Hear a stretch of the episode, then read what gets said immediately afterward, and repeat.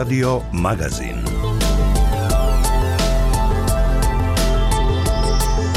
Na vratima Evrope. Emisija o evropskim integracijama. Dobar dan, ja sam Kristina Gađe i s vama sam u sljedećih pola sata tijekom kojih govorimo o euroatlantskom putu Bosne i Hercegovine. U nastavku između ostalog poslušajte. Članovi Sjevernoatlantskog vijeća prošlog tjedna bili su u službenoj dvodnevnoj posjeti Bosni i Hercegovini nakon 13 godina. Ministar vanjskih poslova Bosne i Hercegovine Elmedin Konaković kazao je da dolazak delegacije NATO-a predstavlja veliku posvećenost NATO-a Bosni i Hercegovini, ali i cijelom regionu Zapadnog Balkana. Osnovna poruka današnjeg sastanka je vrlo jasna, glasna. NATO je nepokolebljivi pristalica suvereniteta i teritorijalnog integriteta Bosne i Hercegovine. Poruka ne samo onima u Bosni i Hercegovini koji žive i sanjaju neke drugačije scenarije, nego i onima koji u, ovih, u ovim velikim geopolitičkim potresima širom svijeta možda planiraju tretirati ovaj dio Evrope kao neku svoju interesnu sferu. Osim članova NATO-a, Bosnu i Hercegovinu je prošlog tjedna posjetio i pomoćnik američkog državnog sekretara za europska i euroazijska pitanja James O'Brien. Na predavanju Filozofskog fakulteta Univerziteta u Sarajevu istaknuo je da je najveća prijetnja Bosni i Hercegovini eskalirajuća politika i secesija. Sjedinjene američke države čvrsto podržavaju suverenitet, teritorijalni integritet i multietnički karakter Bosne i Hercegovine. Pozivi na promjenu granica ili stvaranje novih unutrašnjih linija razgraničenja pokušaj da se potpiruje i slavi etničko i nacionalističko nasilje, prkošenje ključnim ustavnim institucijama poput Ustavnog suda, predstavljaju antidejtonsko, neustavno i opasno djelovanje. Prema Ministarstvu civilnih poslova Bosne i Hercegovine, pacijenti koji čekaju transplantaciju organa bi uskoro mogli biti dio Međunarodne fondacije za razminu organa Eurotransplant. Iz udruženja oboljelih su sumnjičavi, jer kako kažu, Bosna i Hercegovina nema ispunjene ni osnovne preduslove o transplantacijama. Neke pokrene sa mrtve točke, pa će nešto biti. Možda neće ja upasti u tu šemu, ali hoće sljedeći neko za godinu, razumijete? Sa mnom što su na listi bili, svi su umrli, nijedan nije živ, a nijedan nije transplantiran u BH, nijedan. Slušate radio Slobodna Evropa. Članovi Sjevernoatlantskog vijeća prošlog tjedna bili su u službenoj dvodnevnoj posjeti Bosni i Hercegovini. Tijekom susreta s članovima predsjedništva Bosne i Hercegovine, vijeća ministara i parlamenta Bosne i Hercegovine, Joana je istaknuo da je sigurnost Bosne i Hercegovine bitna za Zapadni Balkan, ali i za čitavu Evropu. Joana je posjetio i vojnu bazu Rajlovac u blizini Sarajeva. Više u prilogu Šele Ibrahimović.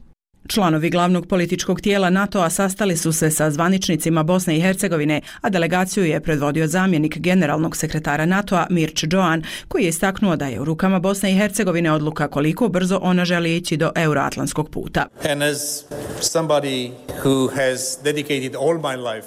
Kao neko ko je posvetio svoj cijeli život, profesionalni i politički život da uvede svoju zemlju Rumuniju u euroatlantsko okrilje, mogu vam reći jednu stvar, to je vaša odluka koliko brzo i gdje želite ići.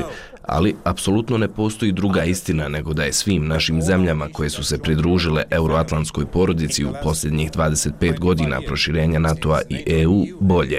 Prosperitetnije su i sigurnije, samouvjerenije i svojim građanima pružaju bolje živote. To je realnost. that's Član predsjedništva Bosne i Hercegovine Denis Bećirović nakon sastanka s predstavnicima NATO-a je poručio da čvrsto ostaju iza Bosne i Hercegovine njene nezavisnosti i teritorijalnog integriteta. Ja sam između ostalog na ovom sastanku argumentovano ukazao na to šta su strateški ciljevi države Bosne i Hercegovine. A to su punopravno članstvo u NATO savezu i punopravno članstvo u Evropskoj uniji. Bosna i Hercegovina nije neutralna, Bosna i Hercegovina je opredjeljena. To je odluka državnih organa Bosne i Hercegovine i to moraju svi znati. Pravni okvir države Bosne i Hercegovine je jasan. Državni organi Bosne i Hercegovine usvojili su sve potrebne zakonske, strateške i konceptualne dokumente u oblasti odbrane i sigurnosti. Bećirović je predstavnicima NATO-a spomenuo i ruski uticaj u Bosni i Hercegovini, aludirajući na izjave Milorada Dodika, predsjednika Bosansko-Hercegovačkog entiteta Republika Srpska, koji, kako je rekao, opravdava rusku agresiju na Ukrajinu. Delegacija NATO-a se susrela sa predsjedavajućom vijeća ministara BiH Borjanom Krišto, članovima vijeća ministara te predstavnicima parlamentarne skupštine Bosne i Hercegovine.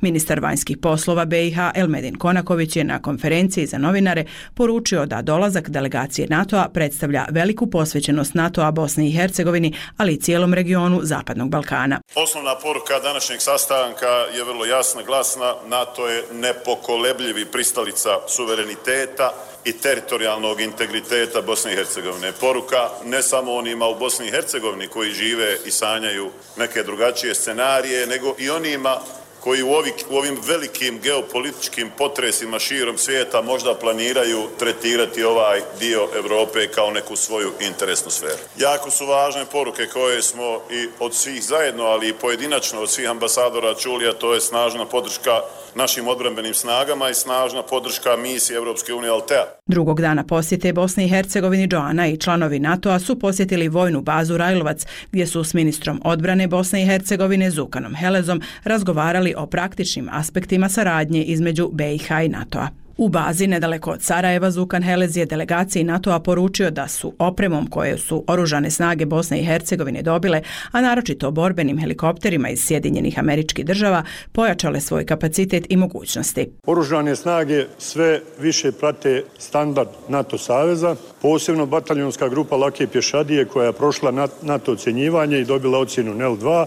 Time se mi ponosimo oružanim snagama. Ovo je samo početak ovogodišnjeg domaćinstva ili domaćina većina e, NATO predstavnicima. Imaćemo u aprilu i oktobru još dva velika skupa NATO Saveza. Članovi delegacije susreli su se i sa visokim predstavnikom u Bosni i Hercegovini Kristijanom Šmitom te predstavnicima međunarodne zajednice u BiH. Zamjenik generalnog sekretara NATO-a i ambasadori susreli su se i sa komandantom štaba NATO-a u Sarajevu, brigadnim generalom Pamelom Megaha te komandantom snaga EUFORA u Bosni i Hercegovini general majorom Laslom Šticom. Visoka delegacija NATO-a došla je u trenutku secesionističkih prijetnji proruski orijentisane vlasti u Republici Srpskoj na čelu sa liderom vladajućeg Saveza nezavisnih socijaldemokrata Miloradom Dodikom. Bosansko-hercegovačke vlasti su se obavezale na pristupanje NATO-u, ali je ta obaveza u zastoju zbog stavova iz Republike Srpske i Dodikovom jačanju odnosa sa ruskim predsjednikom Vladimirom Putinom. Eskalirajuća politika i secesija najveća su prijetnja sigurnosti Bosne i Hercegovine, istaknuo je pomoćnik američkog državnog tajnika za europska i euroazijska pitanja James O'Brien u svojoj posjeti Bosni i Hercegovini.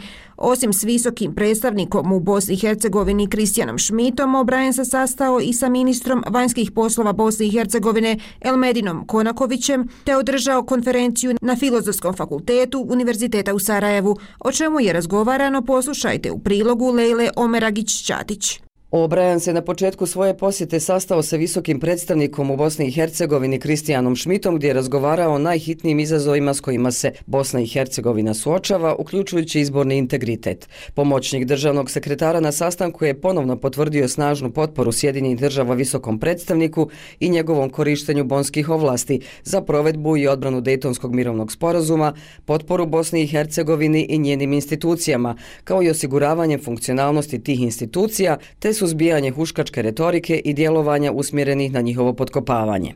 Zajedno sa ambasadorom Sjedinjenih država u BiH Michael Murphyem održao je sastanak i sa ministrom vanjskih poslova Elmedinom Konakovićem. Konaković je na društvenoj mreži X naveo kako Sjedinjene države snažno podržavaju put Bosne i Hercegovine prema Evropskoj uniji, teritorijalni integritet i suverenitet zemlje. Na Fakultetu političkih nauka u Sarajevu Obrajan je održao predavanje o temi odnosi Sjedinjenih država i BiH na kojem je istaknuo da je najveća prijetnja Bosne i Hercegovini eskalirajuća politika i secesija. Sjedinjene američke države čvrsto podržavaju suverenitet, teritorijalni integritet i multietnički karakter Bosne i Hercegovine. Pozivi na promjenu granica ili stvaranje novih unutrašnjih linija razgraničenja pokušaj da se potpiruje i slavi etničko i nacionalističko nasilje prkošenje ključnim ustavnim institucijama poput Ustavnog suda predstavljaju antidejtonsko neustavno i opasno djelovanje. Tijekom konferencije Obrajan je naveo primjere predsjednika stranke demokratske akcije Bakira Izetbegovića, lidera Hrvatske demokratske zajednice Dragana Čovića i Milorada Dodika, predsjednika Saveza nezavisnih socijaldemokrata. The wife of the president of the SDA Supruga predsjednika stranke demokratske akcije nedavno je smijenjena sa pozicije direktorice Univerzitetskog kliničkog centra u Sarajevu, jedne od najvećih bolnica u zemlji. Tokom njenog mandata doktori su bili izloženi pritisku da podrže stranku demokratske akcije ili su uklanjani sa rukovodećih pozicija na kojima su bili. U energetskom sektoru vidimo da lider Hrvatske demokratske zajednice Bosne i Hercegovine Dragan Čović blokira južnu interkonekciju gasovod prirodnog gasa prema Hrvatskoj. Hrvatskoj. On bi da zamijeni operatera sistema prenosa, etabliranu kompaniju u vlasništvu federacije, koja ima tehničku ekspertizu, resurse i transparentnost te projektnu dokumentaciju za izvedbu projekta, sa novom trenutno nepostojećom kompanijom koja bi bila pod njegovom kontrolom. Govoreći o članovima Dodikove porodice, kazao je da njegova stranka već godinama usmjerava ugovore prema članovima njegove porodice i prijateljima. Obrajan se sastao i sa predsjedavajućom vijeća ministara BiH Borjanom Krišto, koja je, kako je saopšteno iz njenog kabineta tokom sastanka, istaknula kako je vijeće ministara BiH snažno predijeljeno za ispunjavanje nužnih reformi za integriranje u Evropsku uniju, jer je to prije svega interes svih u Bosni i Hercegovini. Obrajan stiže u jeku secesionističkih prijetnji proruski orijentirane vlasti u bosansko-hercegovačkom entitetu Republika Srpska na čelu sa liderom Dodikom. Obrajan je funkciju pomoćnika državnog sekretara za europske euroazijske poslove preuzeo u oktobru prošle godine od Ereka Šolea. Ranije je bio na poziciji koordinatora za politiku sankcija State Departmenta. Slušate program radija Slobodna Evropa. Međunarodna fondacija za razmjenu organa Eurotransplant uskoro bi mogla poboljšati život pacijenata u Bosni i Hercegovini koji čekaju transplantaciju organa. Ovo su javili iz Ministarstva civilnih poslova Bosne i Hercegovine, no tako ne misle članovi udruženja oboljelih jer kako kažu Bosna i Hercegovina nema ispunjene osnovne preduslove o transplantacijama, više u prilogu Azre Bajrić. Bosna i Hercegovina nije članica Eurotransplanta koji omogućava međunarodnu razminu organa, ali uz ispunjavanje strogih kriterija, poput zakonskog okvira na državnoj razini, koji BiH nema. Iskorak naprijed predstavlja odluka konferencije za oblast zdravstva u BiH da Ministarstvo civilnih poslova uputi inicijativu za pristupanje Eurotransplantu. S odobravanjem je to dočekao Nermin Zubović iz Velike Kladuše, a koji je već osam godina prvi na listi za transplant transplantaciju srca. Zahvat se ne radi u BiH, a van granica ne može, jer Bosna i Hercegovina nema potpisan sporazum sa eurotransplantom. To je jedna izvrsna stvar za svaku pohvalu. Ja deset godina čekam da tako nešto čujem. Neke pokrene sa mrtve točke, pa će nešto biti. Možda neće ja upasti u tu šemu, ali hoće sljedeći neko za godinu. Razumijete? Sa mnom što su na listi bili, svi su umrli, nijedan nije živ a nijedan nije transplantiran u BH, nijedan. Tomislav Žuljević, predsjednik udruženja dijaliziranih i transplantiranih pacijenata Federacije BiH, smatra da je još nerealno očekivati pristupanje BiH eurotransplantu i da se radi o neutemeljenoj inicijativi s obzirom da nema ni osnovnih preduvjeta za nju prije svih dovoljnog broja transplantacija. Prošle godine na ime obavljeno svega 16, od kojih samo četiri kadaverične, a one su i najbitnije za eurotransplant. Odgovornost za sporost u transplantacijskom programu adresira na vladu federacije, odnosno kliničke centre. To bi trebalo da bude rutina, to bi trebalo da bude kontinuitet. Imamo i problem e, sa transplant koordinatorima koji zapravo, mogu slovno reći, ne radi svoj posao osim, osim koordinatora u kantonalnoj bolnici Zenica koji je prošle godine imao dva preminula donora, razgovarao s obitelji i dobio pristanak a ostali u, u kliničkim centrima i drugim bolnicama imamo 12-13 koordinatora, oni nam ne daju nikakve rezultate i tu mora vidjeti se o čemu vidjeti se o čemu se radi zbog čega je to tako. Dakle mi bez ovih e, transplantacija od preminulih donora ne možemo prići eurotransplantu. Eurotransplant je organizacija za razmjenu organa, a ne za uzimanje organa. Kako ćete razmijeniti nešto što nemate? Na BH listama za transplantaciju trenutno je nešto više od 300 pacijenata koji čekaju novi bubreg, jetru ili srce, a lista bi bila duža kada bi imali nadu da će jednog dana dobiti mogućnost transplantacije u BiH umjesto prikupljanja novca za odlazak u inostranstvo. U federaciji imamo ono, nešto manje od 2000 pacijenata na dijalizi, ja uvijek kažem da bi jedna trećina mogla biti transplantirana. Međutim, imamo samo 200 pacijenata na listi čekanja, a trebalo bi da bude 600-700. Nemaju nade da će biti pozvani na transplantaciju. Znate, to mi kažemo najvažniji poziv u životu. Većinom ljudi prije umru nego što dobiju taj poziv. Žuljević je i član upravnog odbora donorske mreže BiH koja uopće nije prepoznata i zbog nedostatka podrške nadležnih teško realizira i planirane aktivnosti, dok je za eventualni pristup Bosne i Hercegovine eurotransplantu njena uloga ključna. Za Radio Slobodna Evropa, Azra Bajerić. Na vratima Evrope. Emisija o evropskim integracijama. Aerodrom Mostar je posljednjih dana dobio novu direktnu zračnu liniju četvrtu u nekoliko zadnjih mjeseci. Međutim, činjenica je da se letovi i dalje održavaju s pomoć subvencija više nivoa vlasti. Predstavnici međunarodne zajednice su u više navrata zagovarali izdavanje bosansko-hercegovačkog aerodroma pa i mostarskog pod koncesiju. Europska unija je prošle godine izdvojila značajan novac za izradu dokumentacije potrebne za izbor koncesionara. Pitanje zračne luke Mostar ključno je za ekonomiju tog dijela Bosne i Hercegovine koja se sve više oslanja na turizam. Više u prilogu Mirsada Behrama. Nakon što su posljednjih mjeseci potpisani ugovori sa kompanijama Croatia Airlines iz Hrvatske i Sky Alps iz Italije, ovih dana zračna luka Mostar sličan dogovor potpisala je i sa kompanijom Air Serbia. Time su, posle Zagreba, Rima i Minhena, na primjer, uspostavljeni i redovni letovi za Beograd, koji kreću sredinom aprila. Šta to konkretno znači, direktor za komercijalu i strategiju u kompaniji Air Serbia Boško Rupić objasnio je. Letovi za Mostar će ići ponedeljkom, petkom i nedeljom. Letovi su postavljeni u sredinu dana. Videli ste da na prezentaciji koje su to još destinacije koje imaju vezu ili konekciju preko Beograda, dalje po zapadnoj Evropi, Nemačka, Francuska, Holandija, Belgija, Skandinavija, isto tako Italija, ali i destinacije u jugoistočnoj Evropi od Kukurešta, od Istanbula, Atine, Kipra i tako dalje. Velika su očekivanja od zračne luke u Mostaru, gradu koji je sada svjetski poznata turistička destinacija. Šta uspostavljanje redovnih letova i za Beograd znači za Mostar, gradonačelnik Mario Kordić govori. To znači da smo manje više sa čitavim svijetom povezani. Vidjeli ste na prezentaciji linije Mostar-Beograd.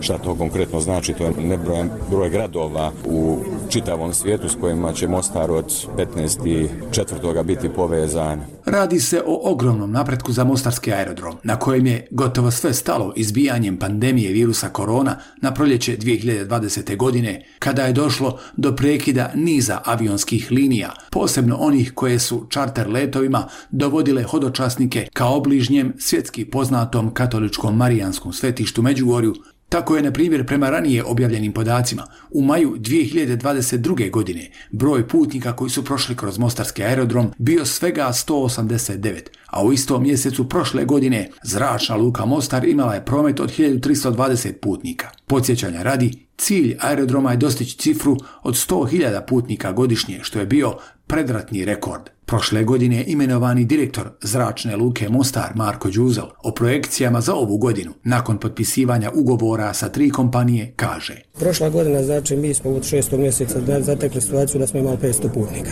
I onda smo od petog mjeseca do kraja godine došli do 20.500 što je 100% u odnosu na prošlu godinu. Ove godine ako se projekcije pokažu adekvatne mi računamo opet u dupla taj broj putnika znači negdje blizu 40.000. Ipak ne treba zaboraviti da i Mostarski aerodrom funkcionira uz značajne subvencije više nivoa vlasti. Tako su, na primjer, samo u januaru 2022. godine tadašnja vlada Hercegovačko-Neretvanskog kantona i grad Mostar potpisali sporazum da se, uključujući i 2025. godinu, u aerodrom Mostar usmjeri oko 8 miliona maraka. Vlada Federacije BiH je posjećanja radi krajem novembra prošle godine za aerodrome u Sarajevu, Mostaru i Tuzli izdvojila 3,6 miliona maraka za, kako je tada saopćeno, unapređenje avioprometa. Federalna ministrica prometa i komunikacija Andrijana Katić ističe da i vlada Federacije BiH učestvuje u realizaciji projekta Zračne luke Mostar. Tako što smo u 2023. godini osigurali milijoni 300 tisuća konvertibilnih maraka za subvencije letovima,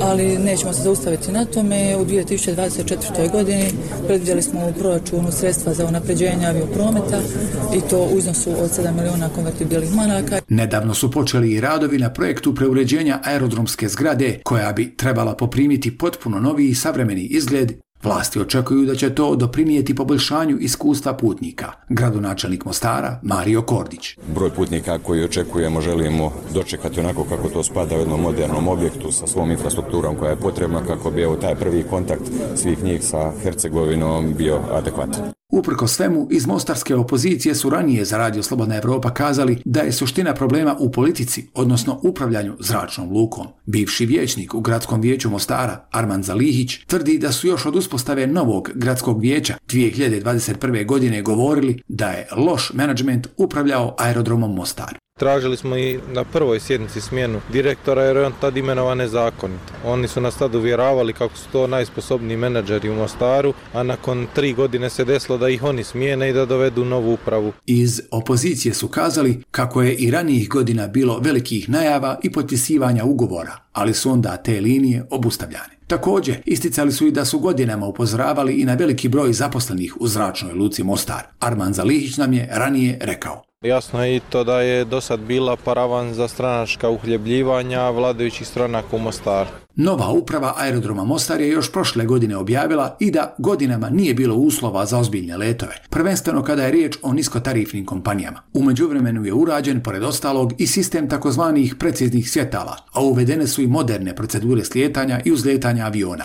Nakon potpisivanja ugovora o letovima za Rim, Veronu, Bari i Minhen sa italijanskom kompanijom Sky Alps očekuje se i povećanje broja turista u ovom dijelu Bosne i Hercegovine. Alex Spinato iz kompanije Sky Alps Laops je už zostalo rekov. Više smo nego zadovoljni što podržavamo vaš aerodrom, vaš grad, kako bi se povećao broj putnika, broj turista koji dolaze ovdje. Mislim da je ovo tek početak dobre saradnje za sljedećih 5-6 godina.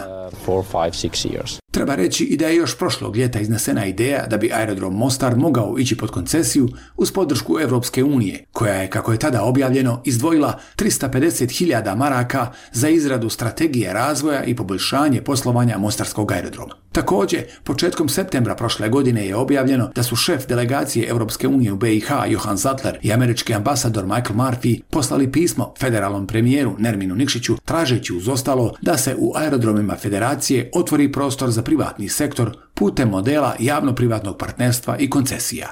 Za Radio Slobodna Evropa iz Mostara, Mirsad Behram. U cilju poboljšanja društvenog ambijenta kojim bi se unaprijedilo zapošljavanje društveno marginaliziranih, teško zapošljivih osoba u Bosni i Hercegovini se realizira projekt Europska unija za zapošljavanje. Projekt vrijedan 3,5 milijuna američkih dolara se implementira u šest lokalnih zajednica i Brčko distriktu.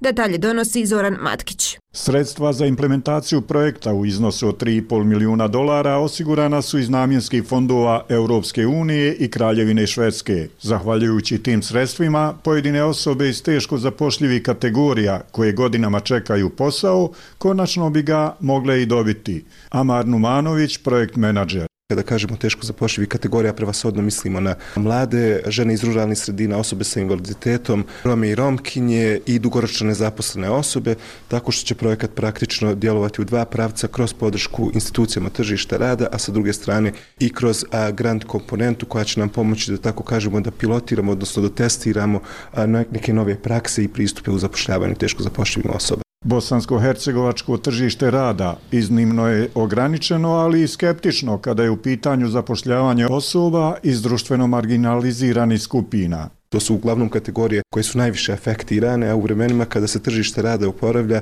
sa druge strane to su ove kategorije koje, da tako kažemo, najsporije i najmanje osjete benefite tog oporavka. Ideja ovoga projekta jeste upravo da se usmjerimo ka onim najteže zapošljivim kategorijama koji vrlo često izostanu iz i sa jedne strane diskursa i praksi zapošljavanja zbog upravo njihove teške zapošljivosti i da tako sa jedne strane i povećamo broj ponude jeli, radne snage, sa druge strane i da počnemo stvarati uvjete jeli, za ostanak i prosperitet u samoj Bosni i Hercegovini. U Bosni i Hercegovini široka je lepeza problema na koje nailaze teško zapošljive osobe prilikom traženja posla. Svaka od tih osoba ima specifične barijere na koje nailazi, dodaje Numanović. Barijere variraju. Znate, kada i govorimo o ženama, naročito o ženama iz ruralnih sredina, vrlo često jedna od barijera za ulazak na tržište rada upravo predstavlja nemogućnost jeli, da se a, osigura dnevna briga o djeci. A, zatim transport do a, centara, e, odnosno institucija koje pružaju različite vrste usluga. Kada govorimo o osobama sa invaliditetom, problemi su višestruki. Mi znamo da su praktično od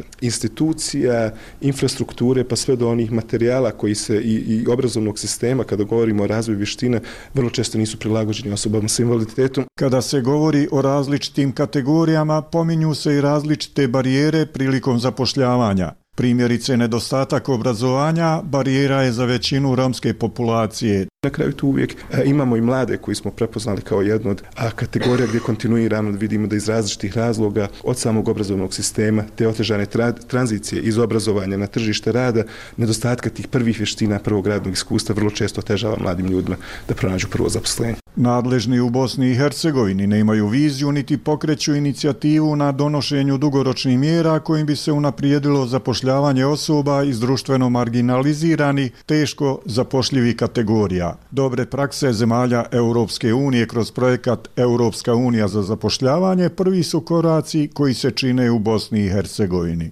Za Radio Slobodna Europa, Zoran Matkić.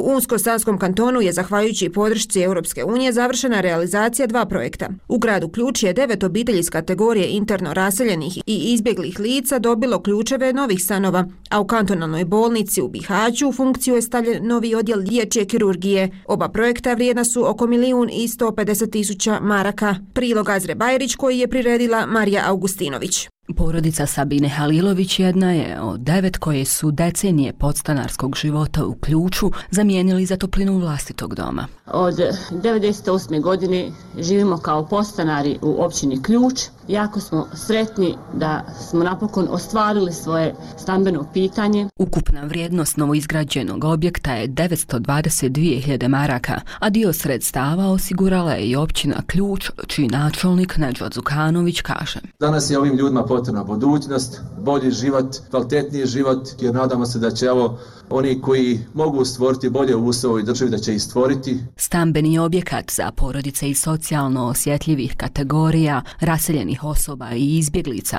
izgrađen je u okviru regionalnog stambenog programa financiranog sredstvima Evropske unije. Zahvaljujući ovom programu, osiguran je smještaj za više od 2800 porodica i zatvoreno nekoliko kolektivnih centara širom federacije, među kojima je i onaj u ključu. Nerin Dizdar, ministar raseljenih osoba i izbjeglica. To najbolje pokazuje zapravo kako se na konkretan način pomaže ljudima. Drago mi je da su ovakve stvari postale rutina. Širom Bosne i Hercegovine otvaramo objekte u koje se smještaju naši najugroženiji stanovnici. Uz ministra Dizara ključeve novoizgrađenih stanova korisnicima je uručio i šef delegacije Evropske unije u Bosni i Hercegovini Johan Sattler, koji je ovom prilikom pozvao nadležne u Bosni i Hercegovini da intenziviraju aktivnosti na završetku preostalih 300 kuća i stanova u okviru programa. Satler je otvorio i obnovljeni odjel dječje hirurgije kantonalne bolnice u Bihaću. Krenuli smo sa, sa reći na dijela. Drago mi je da smo danas u mogućnosti da otvaramo ovo dječje hirurgije. To znači ovaj kanton u našem fokusu, iako je daleko, to ne znači da nije u našem fokusu. Novi odjel opremljen je najsavremenijom medicinskom opremom i prilagođen je potrebama najmlađih pacijenata. Uvjeti za rad osoblja podignuti su na viši nivo, kaže Hajrudin Havić, direktor kantonalne bolnice Bihać. I nama je ovo izuzetna stvar jer ćemo konačno uspjeti dječju hirurgiju odvojiti od odrasle hirurgije i daćemo dječjoj hirurgiji prostor tako da možemo zdravstvenu zaštitu djece podignuti na jedan viši nivo, a da nisu vezana za odraslu kirurgiju. Rekonstrukcija odjela financirana je kroz projekt individualne mjere za jačanje kapaciteta za upravljanje migracijskim tokovima u Bosni i Hercegovini, koji implementira Međunarodna organizacija za migracije. Laura Lungaroti, šefica organizacije za migracije.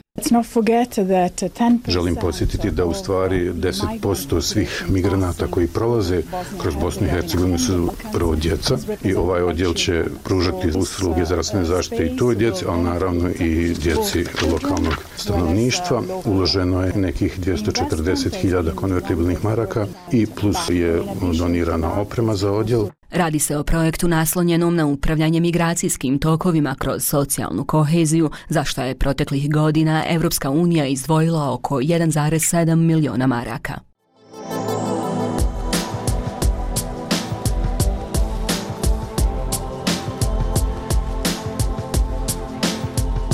Bilo je to sve što smo pripremili u ovom izdanju emisije na vratima Evrope. Ostale naše sadržaje možete naći na web stranici slobodaevropa.org. S vama su u proteklih pola sata bile Vesa Jelčić i Kristina Gađe.